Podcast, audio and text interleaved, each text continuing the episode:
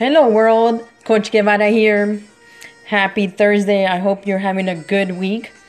Episode 20, I'm going to be talking about how to encourage student athletes to become better teammates. I'm going to be talking a little bit more on that, but first of all, today is the first day of the NBA Finals. To all my fellow sports fanatics, who are you rooting for, the Cavs or the Warriors? To be frank, I'm not rooting for anybody.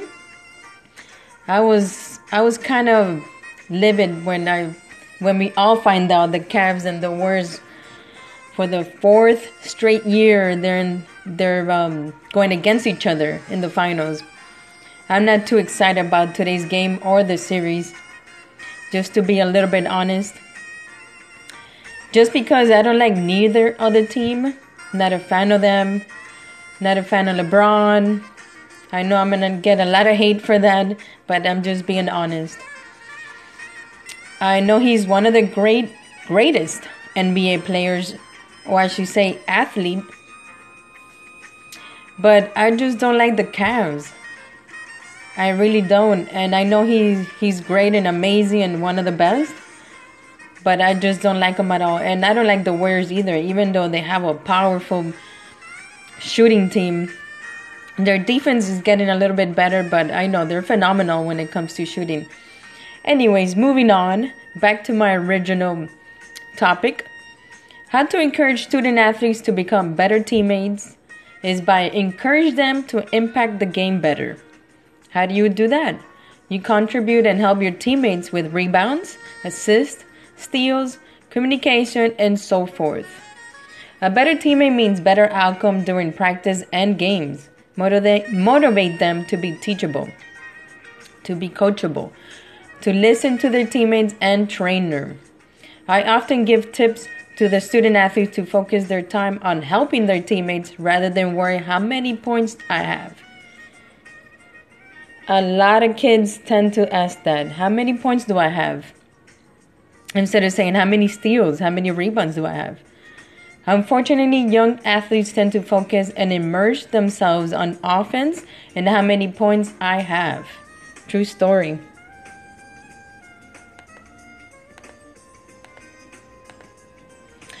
As a trainer, coach, or teacher, you must infuse positive energy for the kids to become better teammates. Key factors in encouraging kids is by communicating, being stern, and motivating at the same time. Young athlete, young student athletes tend to get bored easily, so therefore, make it fun and exciting for them. A friendly and fun competition that I can share with you guys is implement a free throw competition. It's a great drill that both the athletes and coaches get to enjoy.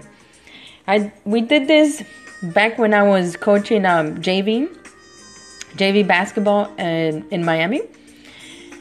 The varsity and myself, the varsity coach and myself did this drill oftenly, and it was super fun. For example, advise the, the athletes to get to the baseline. One by one will go to the free throw line. The hardest part is making the free throws. If the athlete does not make the free throws, the entire team will run sprints and they definitely hate that, so they rather make the free throws.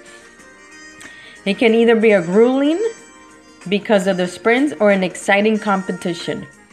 The kids get to have fun, enjoy themselves, and work on their cardio and free throws. One of the smartest, friendliest competitions that you could in- incorporate in practice. Another key factor is team bonding.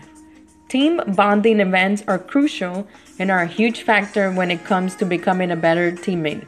It builds character, communication skills, and they get to learn from one another. Whether it's going to the movies, bowling, arts and crafts, or professional games. One thing I can reassure is, as a coach, that the right environment is key. It's not all about X's and O's. Make it fun and a learning experience on and off the court. See you at the basketball court. This is Coach Guevara, owner of Shiny Soup. This is episode 20. To those who who um, who are enjoying the NBA Finals, enjoy it. have fun, root for your favorite team. I'm out.